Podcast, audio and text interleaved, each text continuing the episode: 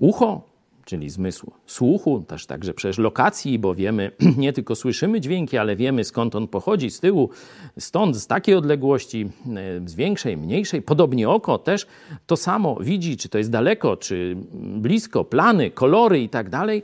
Oko i ucho to jedne z takich narządów, które wydają nam się najbardziej skomplikowane, powiedziałbym wręcz cudowne.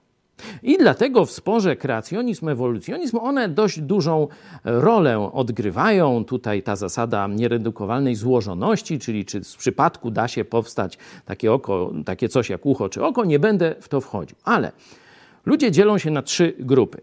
Pierwsza grupa to są tak zwani hmm, ci materialiści, ewolucjoniści materialistyczni, którzy mówią, to wszystko powstało, czyli oko i ucho powstało z czystego przypadku.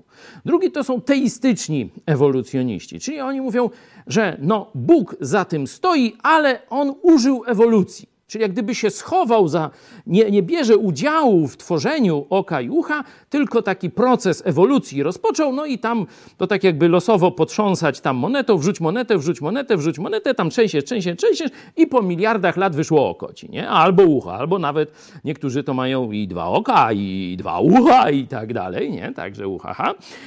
I że to tak se Bóg się schował, a tu sobie, sobie samo to w ramach tej ewolucji powstało, nie? Ale są trzeci. Ci, którzy na poważnie traktują Słowo Boże i którzy pokazują, że Bóg się podpisał. Stworzenie jest listem do ciebie. Podpisał go ja, autor, Bóg. Na przykład, zobaczcie, Księga Przysłów Salomona, 20 rozdział, werset 12. Ucho, który słyszy, ucho, które słyszy i oko, które widzi, oba stworzył Bóg.